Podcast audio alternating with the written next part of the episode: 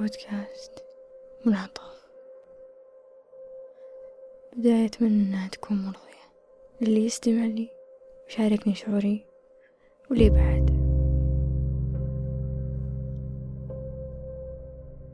المطر بعض ممكن يتساءل أو أنا بس أتساءل كيف إن المطر دايم يغير من نفسيتنا الداخلية بشكل كبير؟ دايم أول ما تمطر. نشعر بالفرح. ونلعب تحته كأننا أطفال. ولما يقرب ينتهي يغمرنا الحزن. مو أي حزن. حزن. نتذكر فيه أشخاص نحبهم. بعض الأحيان المطر. يكون بوابة أساسية إننا نتذكر أحبابنا اللي فقدناهم. ومن نحب.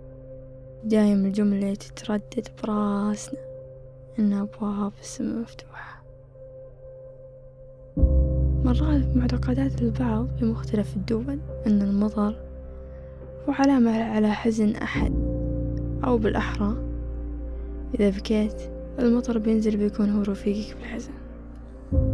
دايم رفيقنا في الحزن هو الليل. شي معروف. بس إذا جا الليل ونزل مع مطر يصير الظلام دامس في قلوبنا. وكأنه رافقونا اثنين مو واحد. كأن قام المطر يعزز من حزننا ويخلي قلبنا يتعمق يتعمق يتعمق بشكل غير معقول. قلبنا كيف إنه بوابة كبيرة إن نحن نكون حزينين بشكل مفرط. ويمكن البعض ما يطلع من حزنه إلا بعد أيام. ويمكن بشهور. ويمكن يوم. بس قليلة تحصل. الغريب إن بعض إن لين إحنا دايم أو بعض الأحيان مو دايم نربط المطر بالحزن؟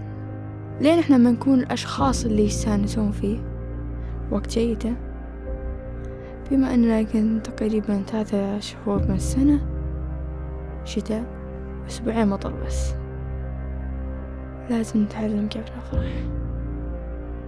لازم نتعلم أننا لما نكون حزينين ما نربط كل شي مع حزننا.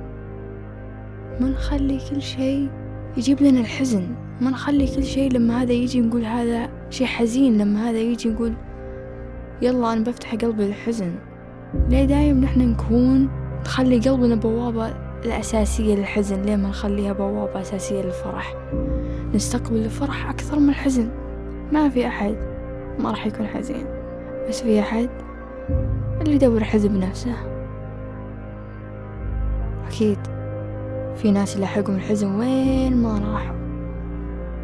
بس دايم الحمد لله دائما وابدا. على كل صغيرة وعلى كل كبيرة. وعلى كل مر فيه. وعلى كل اللي جاينا بالمستقبل واللي جاينا اليوم واللي راح يجي بكرة. كان معاكم الحلقة الأولى من بودكاست منعطف. تجربة أولية قصيرة. نجرب كيف نحط شعورنا فيها كيف نقدر أن نبدي رأينا بالمواضيع.